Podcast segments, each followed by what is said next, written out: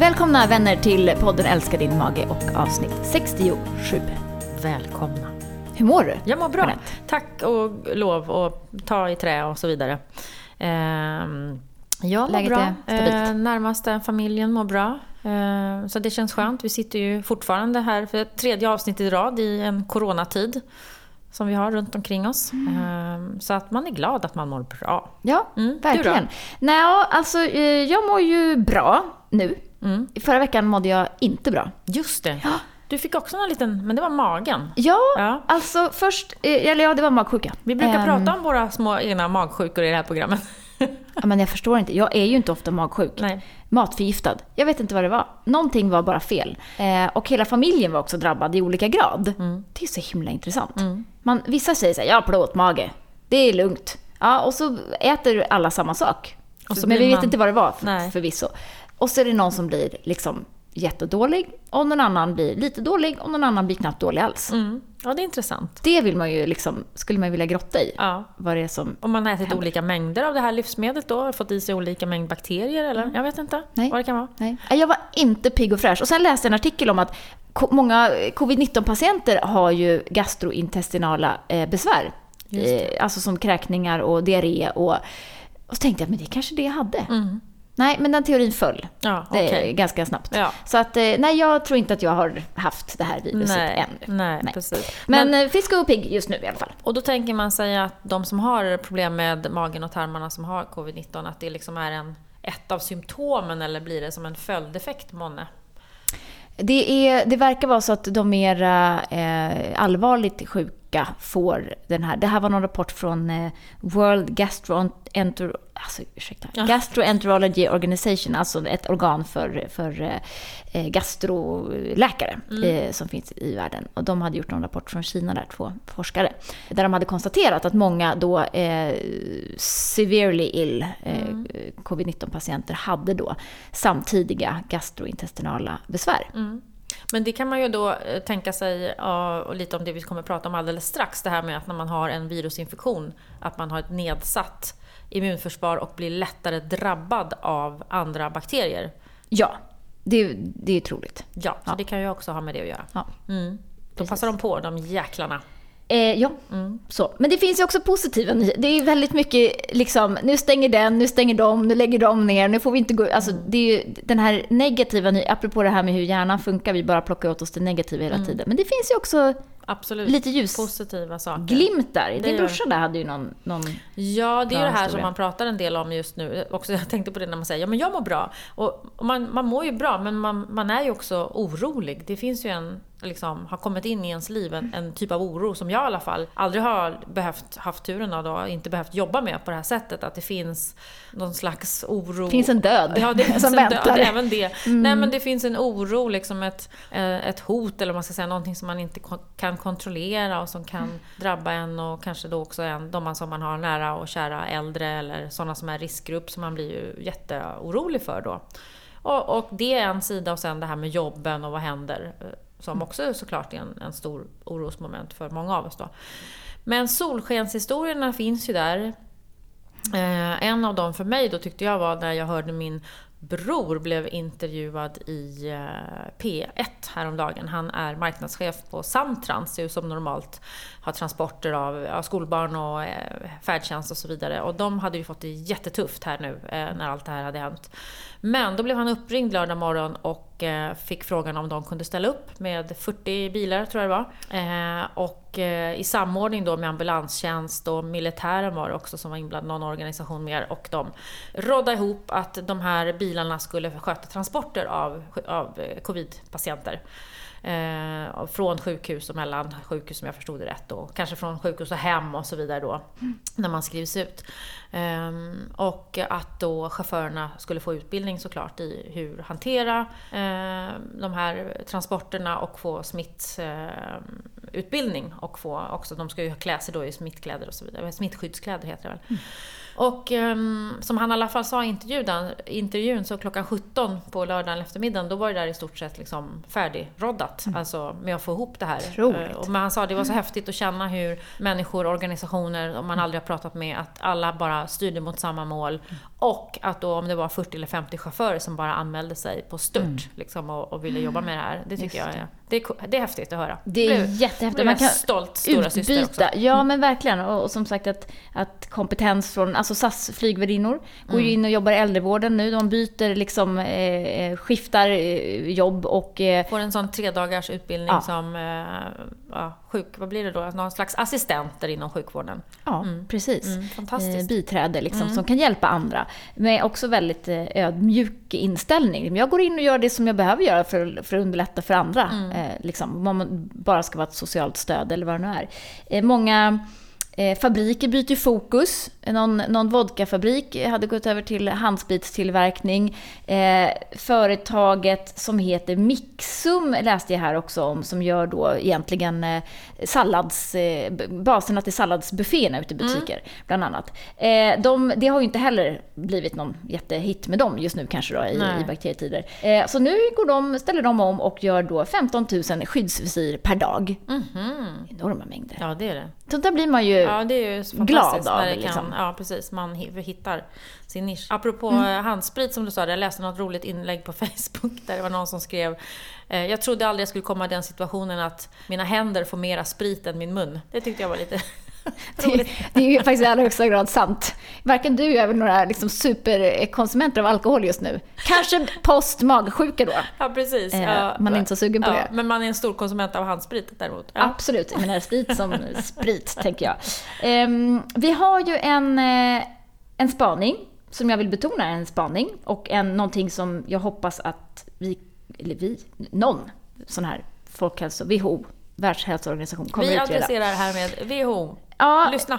Ja, Upp. lite så. Mm. Det här är då en, eh, en norsk journalist eh, som har skrivit en bok som heter Kriget mot bakterierna. Mm -hmm. Som också skriver en artikel i Aftenposten. Ja, ja. han är lite Norges motsvarighet på Björn Olsen som vi pratade om kanske Ja, fast den här, här är ju journalist. Björn Olsen är han ju... Han är forskare, eh, ja. oh, förlåt Björn. Eh, läkare. Och professor och ja. allting. Ja. Sorry. Eh, nej, men, men alltså han har ju lyft det här då, då. Varför dör det så många människor i Italien, för det här var ett litet tag sedan, och numera då också Spanien. Varför är dödligheten så mycket högre där än i många andra länder? Eh, och då har ju han en, en eh, lite, han lyfter då ett eh, problem som möjligtvis kan vara orsaken. Mm. Och det problemet heter multiresistenta bakterier. Mm. En del av orsaken då i alla fall, tänker jag. Ja. ja. Det är ju nämligen så att ehm, eh, covid-19 eh, är ju en, eh, en eh, säsongsinfluensa plus kan man säga. Den är ju mycket allvarligare och tenderar ju då att ehm, eh, utvecklas till lunginflammation hos många patienter. Och eh, då är ju covid-19 ett virus. Lunginflammationen är ofta då eh, igångsatt av bakterier. Så att många av de patienter har man sett nu i eh, Kina som man har eh, eh, undersökt har en sekundär bakteriell infektion till sin covid-19 virusinfektion. Mm. Mm. Eh, då är det ju så att när man får en bakteriell infektion så sätter man ju in antibiotika. Eller hur? Just. Mm. Och så hoppas man på att de där bakterierna dör av, av den här antibiotikan.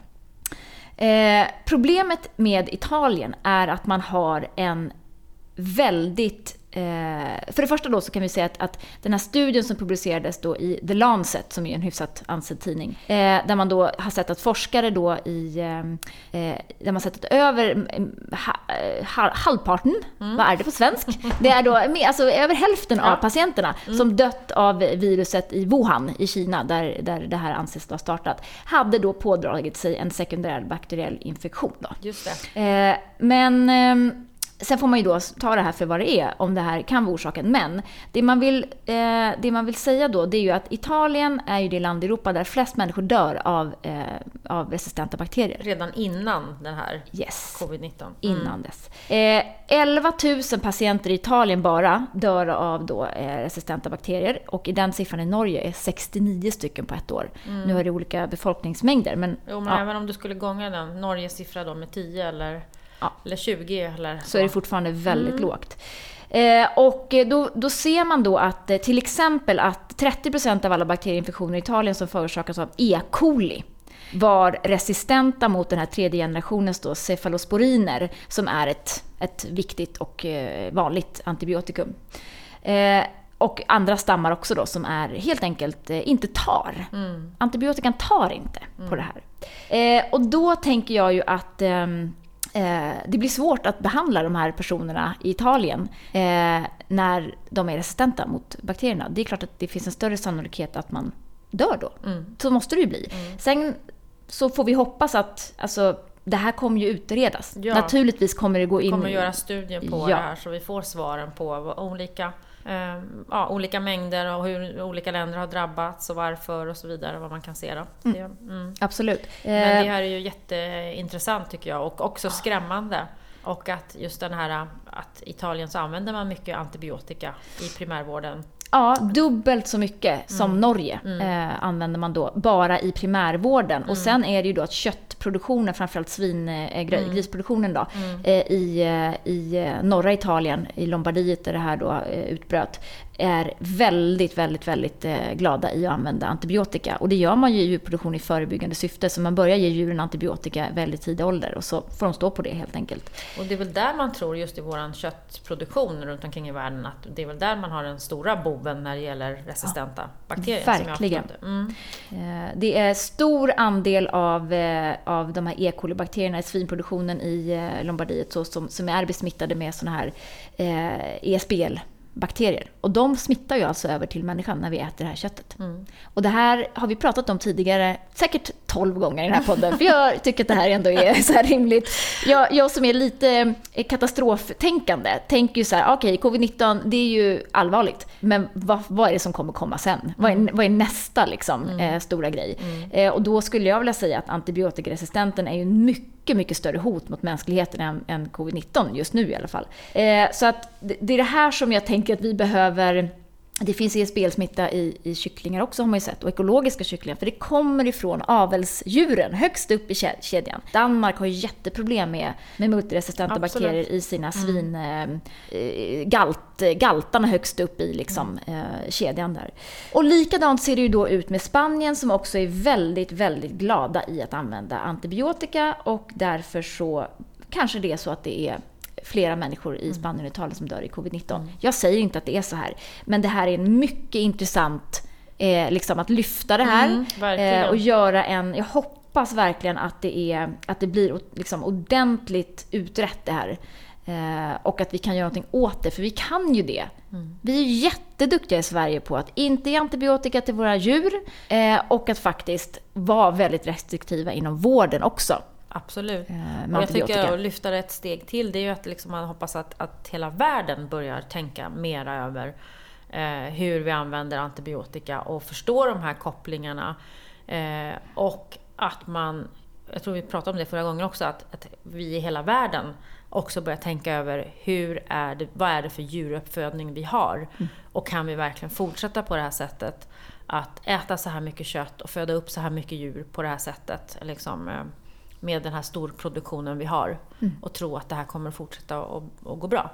Och det tror jag det är ganska många forskare som är överens om att det kan vi inte göra. Nej. Nej. Här kan ju vi konsumenter verkligen visa vår makt eh, genom att välja gröna alternativ eller välja i alla fall svenskt kött. Ja. Så får vi inte liksom, så kan vi bromsa utvecklingen av resistenta bakterier kanske i vårt land. Så härmed så vill jag efterlysa om det är någon som producerar någonting som liknar parmaskinka i Sverige. Alltså jag har dålig koll på det här. Jag, Vad skulle den heta? Ja. Norrköpings skinka. Norrköpings skinka. Lönnebergaskinka har vi. Parma Köpingskinka. Mm. Eh, ja, nej men det är ju just den här riktigt torkade, det är ju det man tycker om när man tycker om parmaskinka. Mm. En närproducerad, torkad Ja, gris. Den är väl lufttorkad, ja precis. Ja.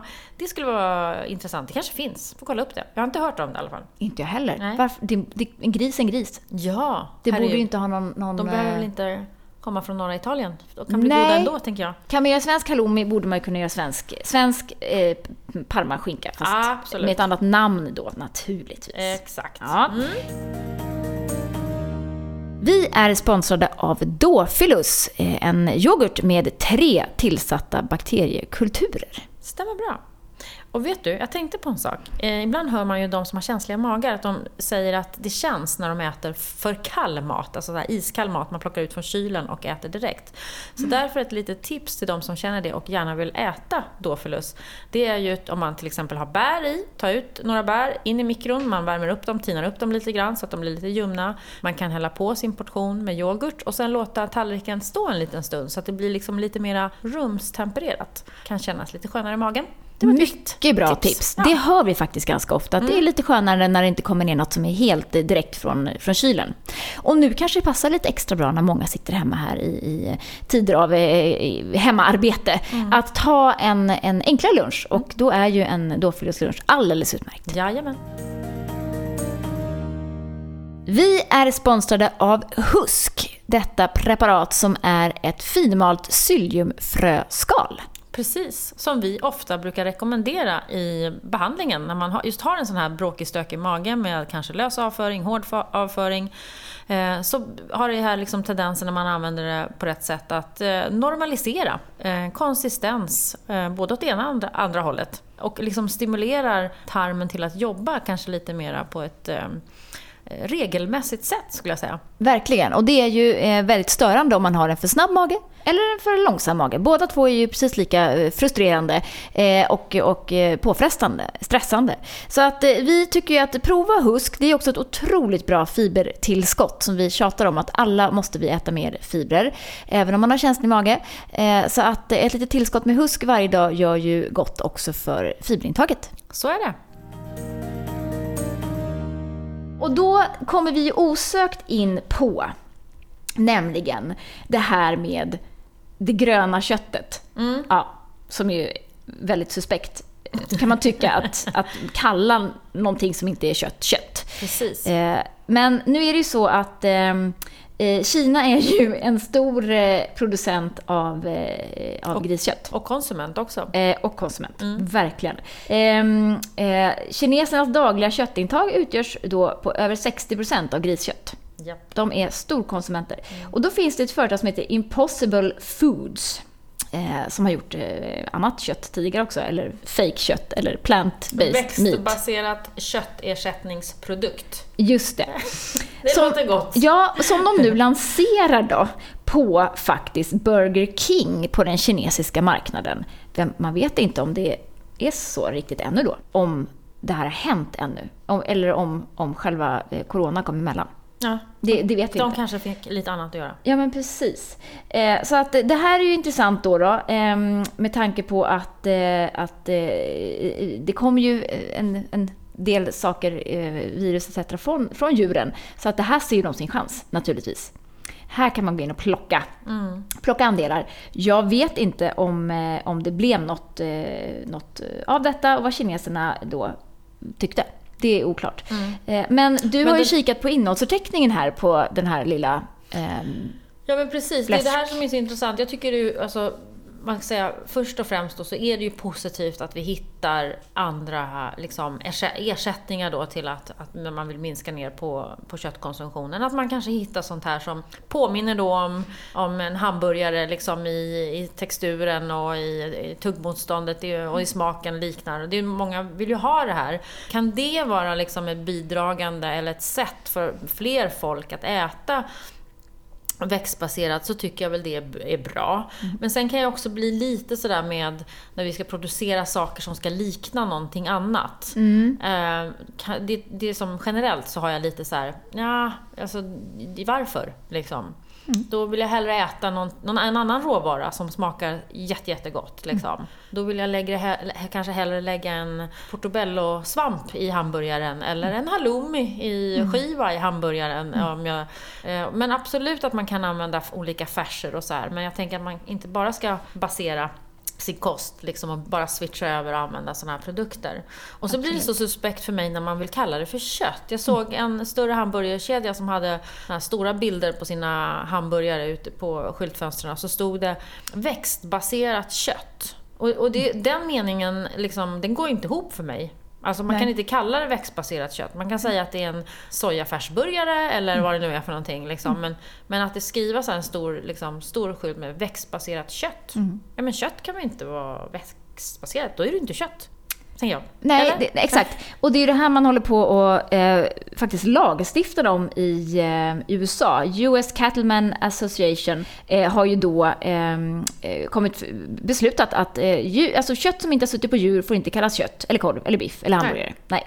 Eh, och eh, då har de fått rätt i en del delstater här, att de har alltså infört lag i juli förra året, eh, som då slog fast att produkter som innehåller labbodlad djurvävnad, för det finns ju det också, att man odlar på också, ja. muskelproteiner, eh, eller då är växt eller insektsbaserad, inte får bära köttlika namn som veggie hotdog eller veggie sausage eller veggie burger. Eh, och då har de förbjudit det i vissa delstater och över hälften av delstaterna är eh, lagstiftningen på gång. Och även inom EU så tycker man då att vegetariska alternativ istället då för burgare och korv ska kallas för disk eller tube. En hot tube. Ja, Eller va? nej. Eller en hamburgare, vad blir det? Disk? Ja, men vad blir det Ja, liksom? jag vet inte. Nej. Nej, det blir... Ja. Man kanske bara får säga liksom en, en växtbaserad Ja. burgare. Ja.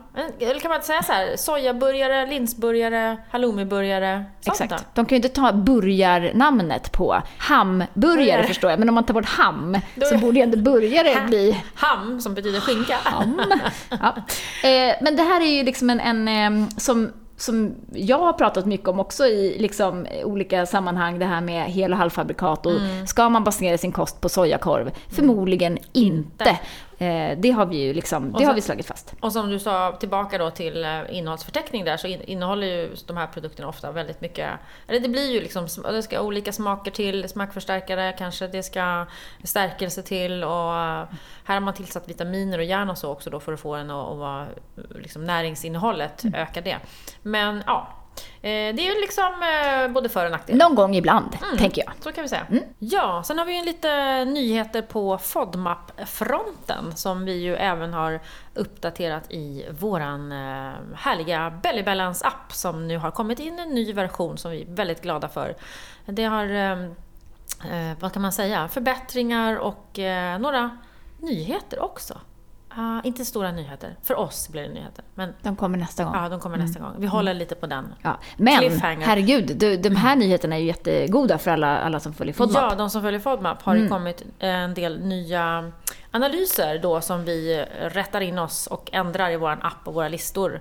Glädjande nyheter har det varit. Mm, det får man väl säga. Det tycker jag. Ändå. Ja. Eh, den första nyheten är att avokado numera då i en fjärdedels mängd är gulmarkerad. Den har gått från röd till gul. Mm. Eh, och det kan man ju filosofera på varför det är så. Eh, det vet vi inte själva, men vi antar att de har analyserat kanske eh, lite andra typer av avokados, gjort en sammanslagning. De kan också ha analyserat en mindre mängd och så ser de själva var, var gränsen går. Eh, så att Eh, Ja, de flesta tycker jag ju också säger att ja, men lite avokado går bra. Och det, det visar ju Mm, att bekräftat här. Ja. Och sen tycker jag också, förlåt, att det är så bra att... ehm, För det är så många som vill kunna äta avokado, avokado och blir liksom lite ledsna när de ser att det är rött på listan när de ska börja eliminera. Men eftersom det blir gult nu så kan man ju då ganska snabbt eh, lägga tillbaks i mindre mängd. Ja. Det kan ju vara alltså, några små bitar i en sallad eller i en avokado i en dressing kan ju Mm. vara väldigt trevligt. Verkligen. Mm. Och då får man hellre äta en, en fjärdedel om dagen. Precis. Får, så får man väl lägga upp det, tänker jag. Ja, Ehm, sen har vi då honung, just det. ja, som har blivit gult i mängden en tesked. Det är också bra. Mycket bra. Eh, och jag är ju alltid för svensk honung. Just det. Ja. Och Just den innehåller ju också mindre fruktos ofta. Ja, Ja. exakt. Jag tror ju att den som är analyserad i eh, Australien är mm, den mörkare, mer flytande eh, varianten. Den svenska brukar vara lite fastare, ljusare. Mm. Exakt. Så det kanske går att äta mer än en tesked. Det får man prova sig fram. Men det glädjande är ju då att, att många livsmedel i, i liksom, har ju honung som en mm, pytte, pytte, pytte liten ingrediens i en bar eller en kaka eller en eh, müsli eller vad fasen som helst. Senap. Ja. Mm. Och då kan man ju enkelt bara tänka att det där, den där mängden är ju lätt under en tesked. Precis. Mm. Så att, eh, det var ju också väldigt glädjande. Eh, min personliga favorit numera med kronärtskockshjärtan. Just det. Mycket gott. Mm. I konserv. Mm. Eller glas, burk Ja, kanske. konserv brukar det väl, tycker jag, ofta Ja. vara. Ja. Ja, jag köper det i alla fall. Supergoda. Verkligen. Eh, de är nu helt gröna. Det är fantastiskt. Mm. Verkligen, det är bara att mumsa på. Så då kan man göra den här goda dippen som vi har i den vegetariska kokboken.